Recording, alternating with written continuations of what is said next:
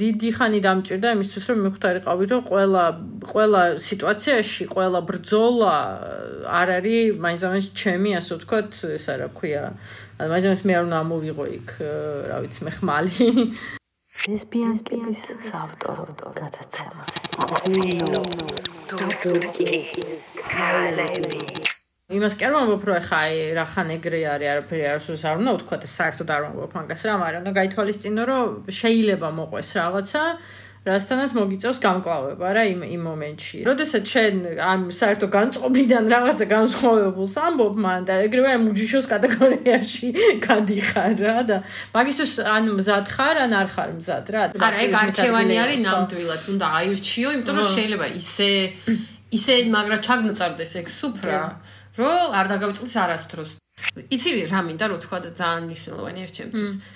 მას შემდეგ რაც გავლეს ბიანგდი.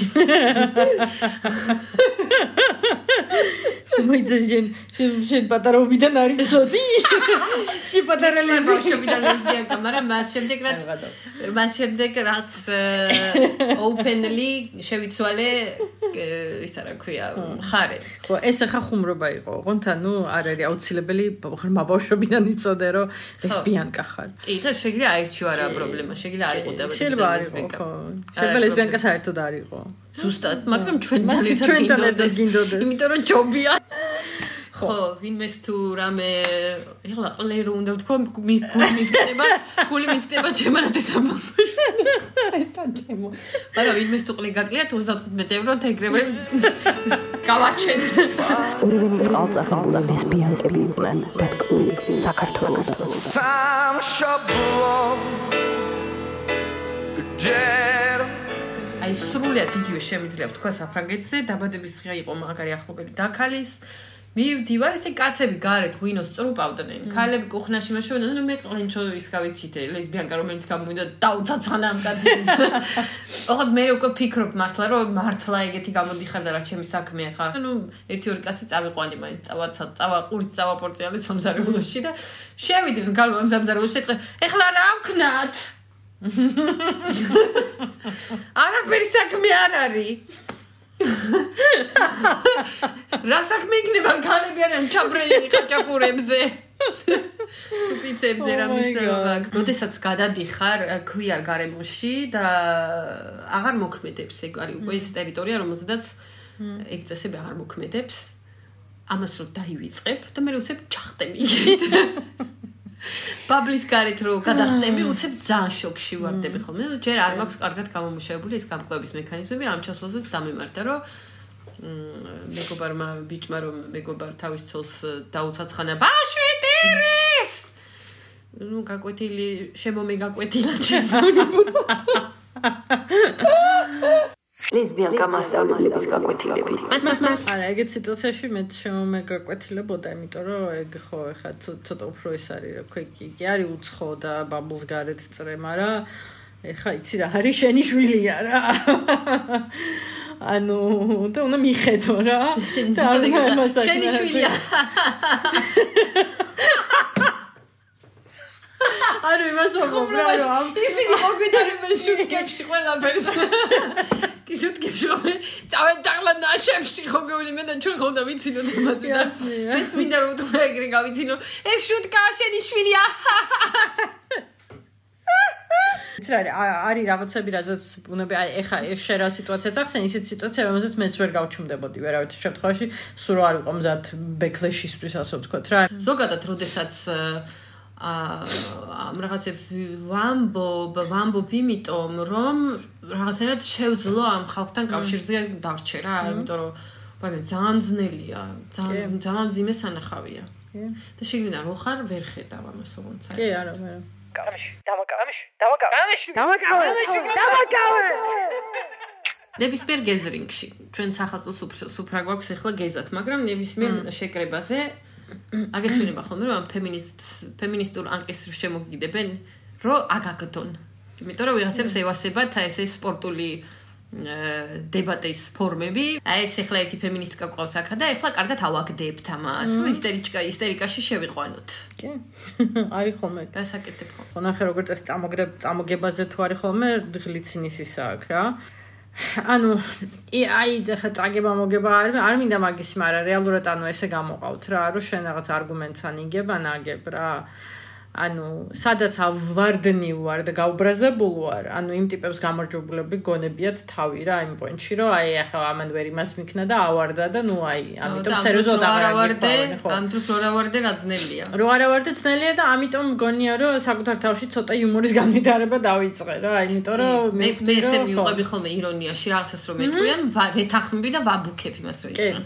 კი ნუ აბსურდებში უნდა გადაიყვანო, თორე აზრი არ აქვს. კი, იმიტომ რომ იმ დროს ანუ იმას არ აქვს, საერთოდ არ აინტერესებს შენი აზრი რა, არაფერზე რა. ის არის პროსტა იმისთვის, რომ შენ გაგამასხარაოს და თავისი უპირატესობა დაამტკიცოს ამ ყველაფერში და მიუბრუნდეს იქ თავის ნათესავს თუ ძმაკაც თუ ვინც არის და თქვას რომ აი, ხო გიტყარი ფემინისტები ვერ არიან ცოტა. მალე წასულები გვენახოს შენ მენახე მალე წასულ მაგაზე ისევ ჩემს გადაცემიდან დავესესხები ერთ-ერთ ტექნიკას, რომელიც ძალიან მომეწონა, არის რომ შე ფორმა რითიც არ შეხვალდებათში არის რომ პროსტა ესე მოკლედ უთხრა რომ აი საერთოდ არ მეცინება.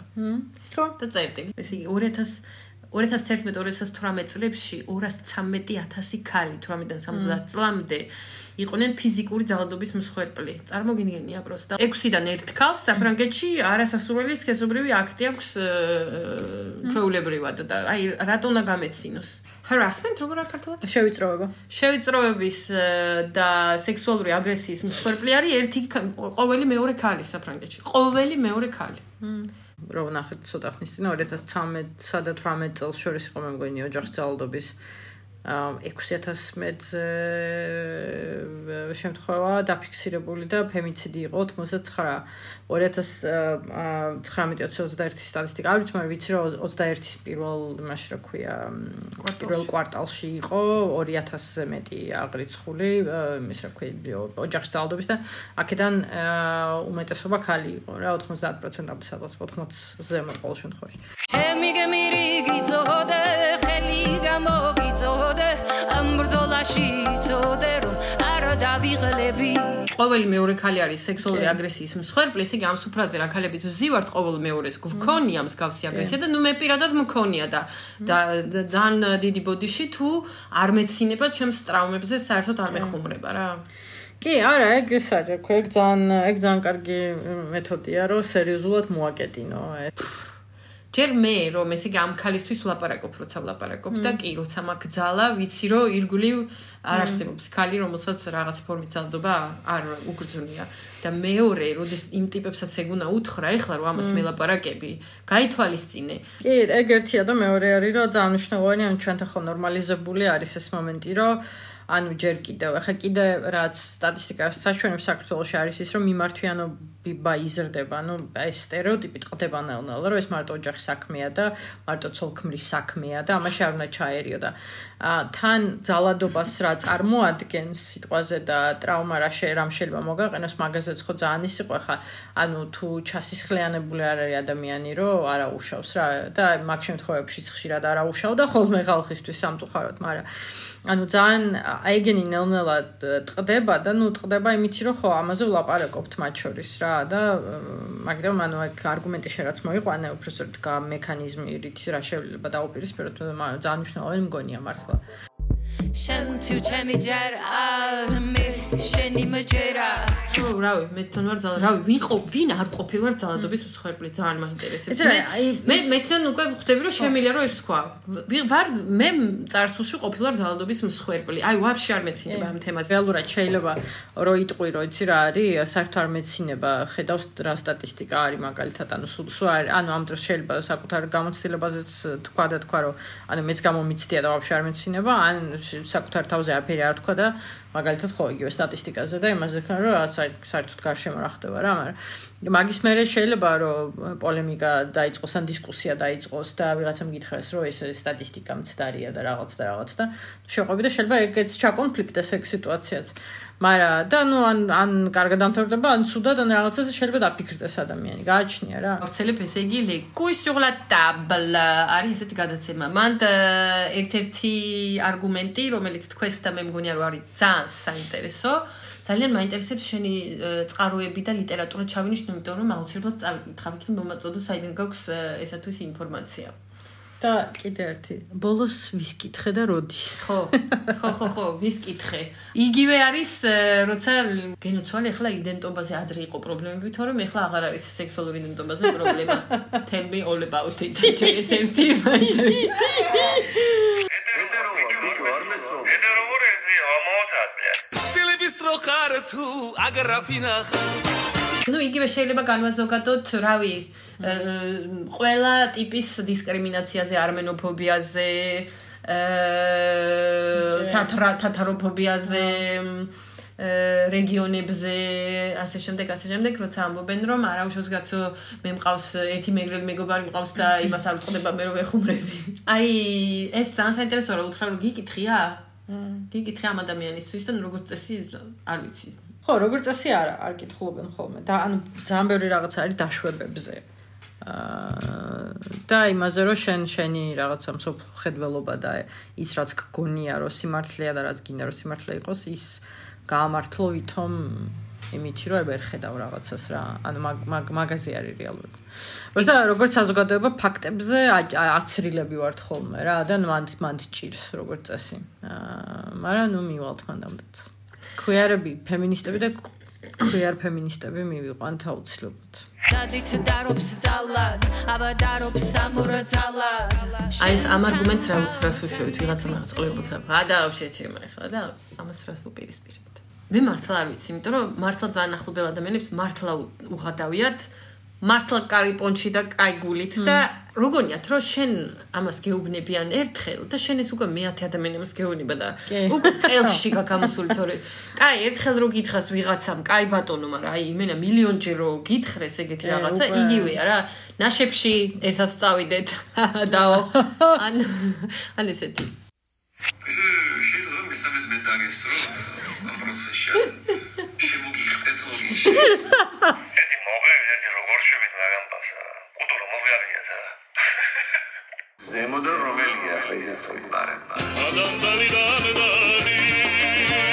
აი რას პასუხობთ ამას? არ ხართ ნათია პრადვინუტია სისკაცი არ გინდა ლოგინში რომ შემოგიხდეს? რავი, იმას ვკითხავ ჯერ, მაგრამ რა შეიძლება უთხრათ მაგ დროს? აუ მე მოვიფიქრე. მიდი.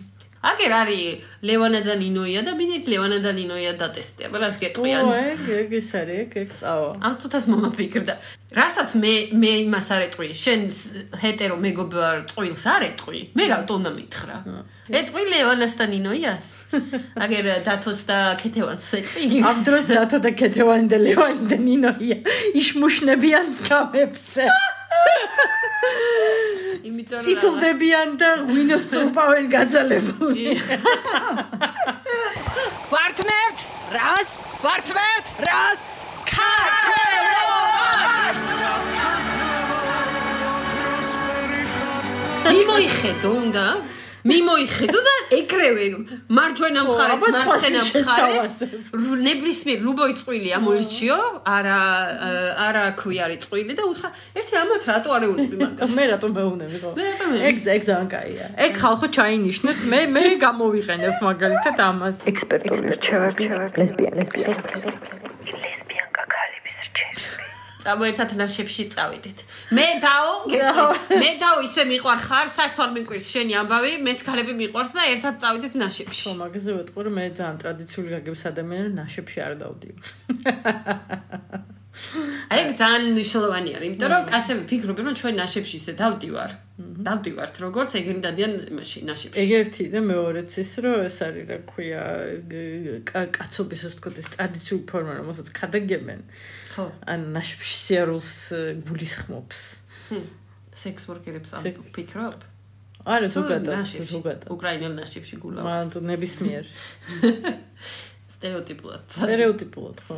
ამ მე მქონდა ესეთი შემთხვევა.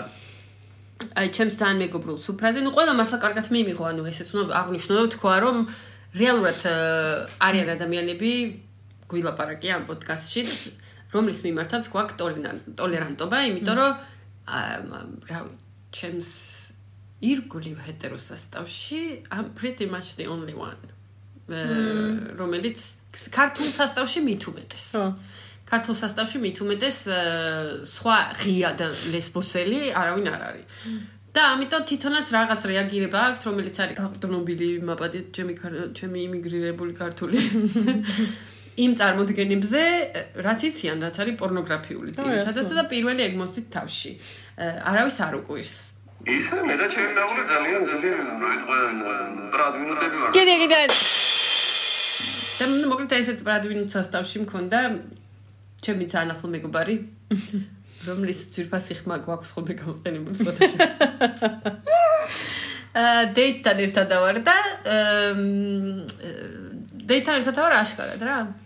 ეშემ დეიტი მიდის და ეს მომადგა რომ რა შობით ჩვენ ახლა ერთად. რა ვართ ერთმანეთის?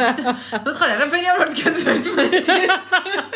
ვერ გავიგე აბა რა შესაძლებია თუ არ ხართ ერთმანეთის არაფერი? არ ხომ მე ხარ დეიტები ვართ მაგრამ მაგრამ მაგრამ რა ხართ ერთმანეთის შეყვარებულები ხართ მე არა ვარ შეყვარებულები რას ქვია არა ხართ შეყვარებულებიო და ამაზე ჩაიხვია რომ ისე თქვენში ეს პასტაიანი წყვილების ცვალებადობა მოსული პონტია, ხო? კაცები რომ შევიდ, მაგათ ბოზებს ვეზახით, ნეკალთანებს და ასე შემდეგ. თქვენ რა ვაკატები ვიცით ერთმანეთს, კაცო?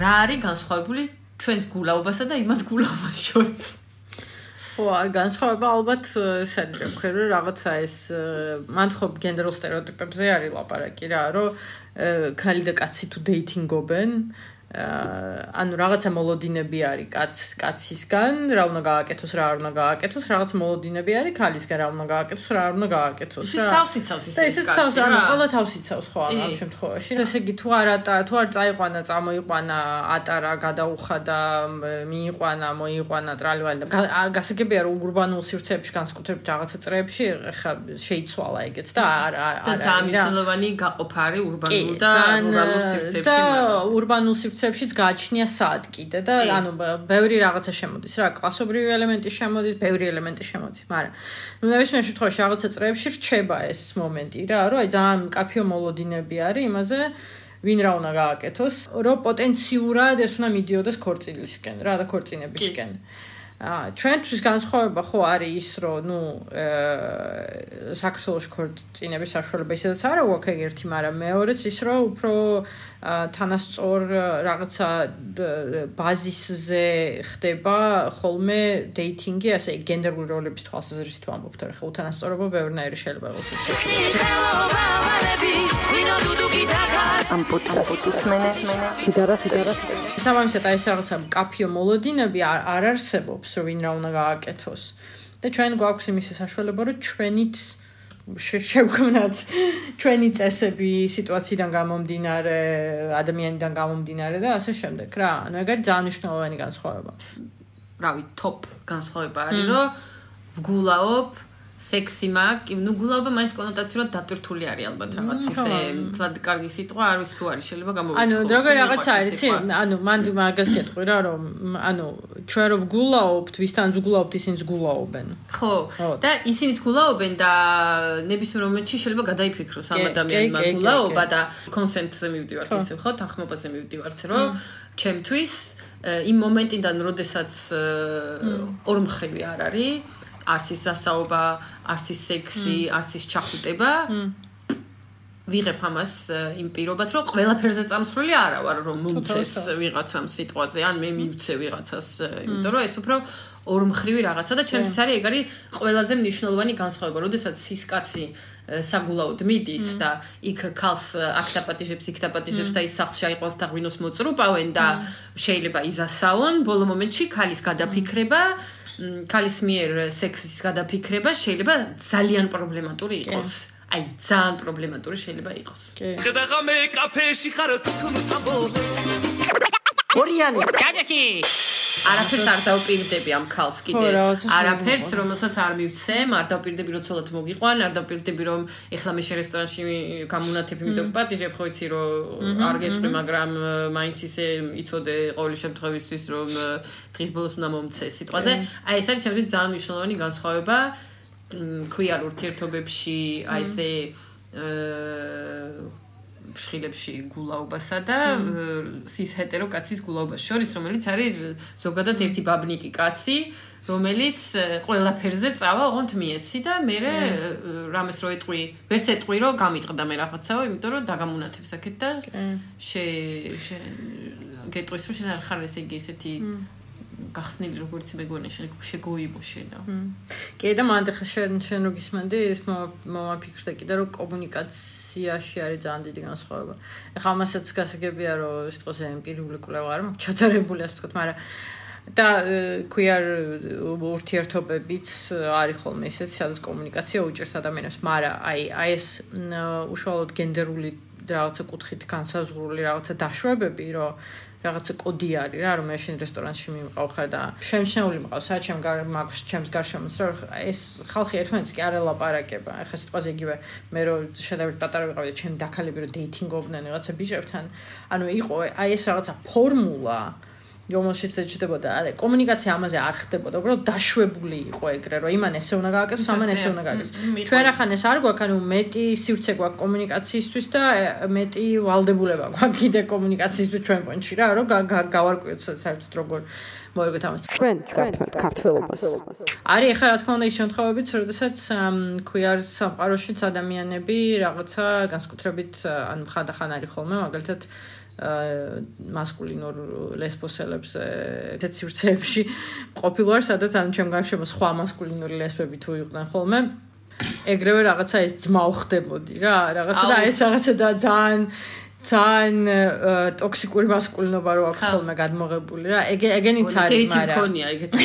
მე თუ ჩემო, მე თუ ძალიან ძიმეა. ქალის ტყავში გადაცმული კაცები რო არიან. კი, ხო და ძალიან იმ გაგებით რო აი მენა სუპთა ჯემალაი რო არის ხო. კი, აქ ანუ საფრანგეთში, შუა საფრანგეთში მქონია ეგეთი. არა, მჯერა, ანუ აქ უბრალოდ დავაკონკრეტებთ, რომ არ არის საუბარი ბუნებრივია ტრანს კაცებზე მაგალითად და ტრანსმასკულინურ ადამიანებზე, ზოგადად საუბარი არის იმაზე, ანუ სოციალურად კულტურად მასკულინობის და კულტურულად მასკულინობის რაფორმებს იღებს შენ საკუთარ თავზე. ქალის მასკულინობები როგორია? სხვადასხვა მაგას არ უღრმავდებით, მაგრამ ნუ გაკურით ლაპარაკი არის რაზე? ეს იმავე ლესბებზე არის ლაპარაკი, რომლებიც საკუთარი თავის მიღება გადაწყვიტეს რატომღაც იმით, რომ ნეტა კაცივი ყოფილიყავი და კაცივით უნდა მოიქცე და ქალიშვილი ქალი მინდა თხოვდა და ხო, რახან მასკულინური ვარ და ეს არის ჩემ თვით გამოხატვა, ანუ ერთადერთი მოდელი, რომელსაც ვხედავ, არის ის, რომ აი ესეთი ტიპის მასკულინობა შეიძლება ავიღო. ძალიან ბევრი სამუშაო გვაქვს თემზე. დაიმუდა იყოს სვეტი.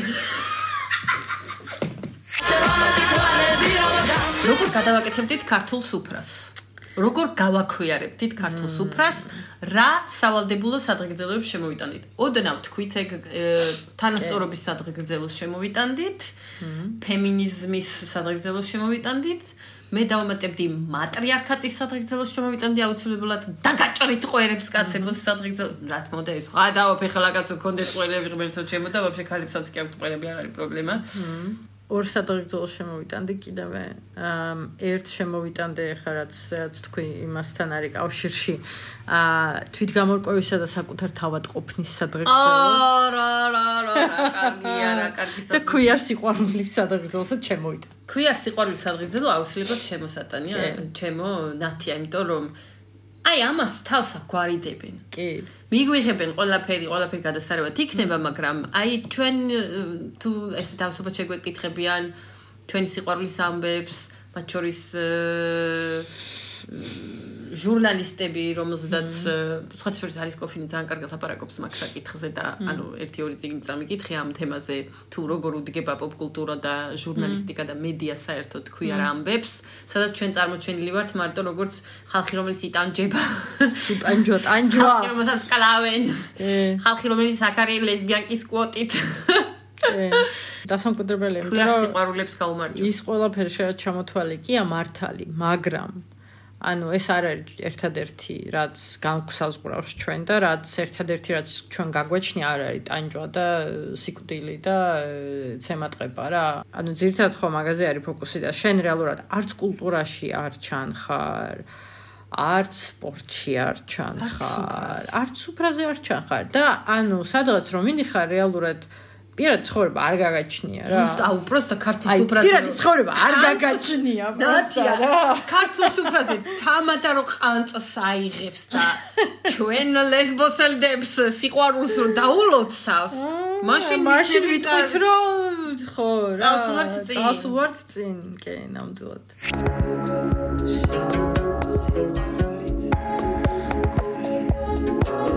მაშინ მოდი ჩემო ნათია მე შენ დაგილოცავ შენს სიყვარულს მომავალ წელს გისურვებ რომ გქონოდეს ბევრი ბიზუ ბიზუები ბევრი კოცნები და ამგე ახლა კოფე კაგიკეთოები და ასე შემდეგ თან პირად რაღაცას ვარ ვიძახი არა, არა, კარგი რაღაცას იძახი. Sorry. აი ამას გისურვებ მე შენ ჩემო დაიკო, ჩემო თანადა. ჩემო დაიკო და ჩემო თანადა. მე შენ გისურვებ ძალიან ბევრ სიყვარულს, სიმშვიდეს და კრეატიულობისთვის ძალიან ბევრ სივრცეს. ძალიან კარგ დეითებს. აა თუ მოგინდება ერთ ადამიანთან, თუ მოგინდება მეტთან, მოკლედ ეგ როგორც ეგ რასკლადი შე როგორც გინდა ეგრე დაეწყოს. ო, მადლობთ. ხო და მსმენელს კიდე ჩვენსას უსურვებდი, რომ მომავალი საახალწლო და სუფრა აა, გქონოდეთ ისეთი როგორც თქვენ გესიამოვნებათ, ისეთ ადამიანებთან, ვინ ვინც ვისაც რაღაცა დადებითი შემოაქვთ თქვენ ცხოვრებაში. და თუ აირჩევთ რომ რაღაც სივრცეებში არ შეხვიდეთ მაგ პერიოდში, გამოაკლდეთ მაგალითად რაღაცა ნათესაურ სივრცეებს, თუნდაც რაღაცა მეგობრულ სივრცეებს, თუ ხვდებით რომ თქვენთვის ტოქსიკურია, სასწრაფო შესაძლებელი არის რომ ქვიარული ახალი წელი ვიზეიმოთ ესე არატოქსიკურ, კარგ აა, ქვიარულ სივრცეში ადამიანებმა. იმიტომ რომ ოჯახი ბევრნაირია და მე ხუცხვებისთვის არ მისურვებია ეს რა კარგი იდეა მოგივიდა გენაცვალე ჩემი თანადარისთვის ხარ. აბა აბა თან თანადები მაგისტრის ვარ ჩვენ ავსებთ ერთმანეთს. ხო. მე ვუსურვებდი ყველა ქართველ ქვიარ ადამიანებს, რომლებიც გულს ისე გვიხარებენ, როცა გვეუბნებიან, რომ გვისმენენ, რომ უფრო მეტი ქვიარ სივრცეები გქონდეთ თქვენ სირგლივ ყველგან სადაც ხართ. არა, ამას მნიშვნელობა, ეს იქნება Instagram-ი, Facebook-ი, ტელევიზია, რადიო, პოდკასტები, ოჯახი, მეგობრები, სივრცეები, საიდანაც აა, ხედავთ მოდელებს, რომლებიც არსებობენ, გისურვებთ ასევე დობის მოდელებს ძალიან ბევრს, გისურვებთ დობას, ქალურ სოლიდარობას და მოკლედ გაუმარჯოს ქვიარობას. გაუმარჯოს ქვიარობას.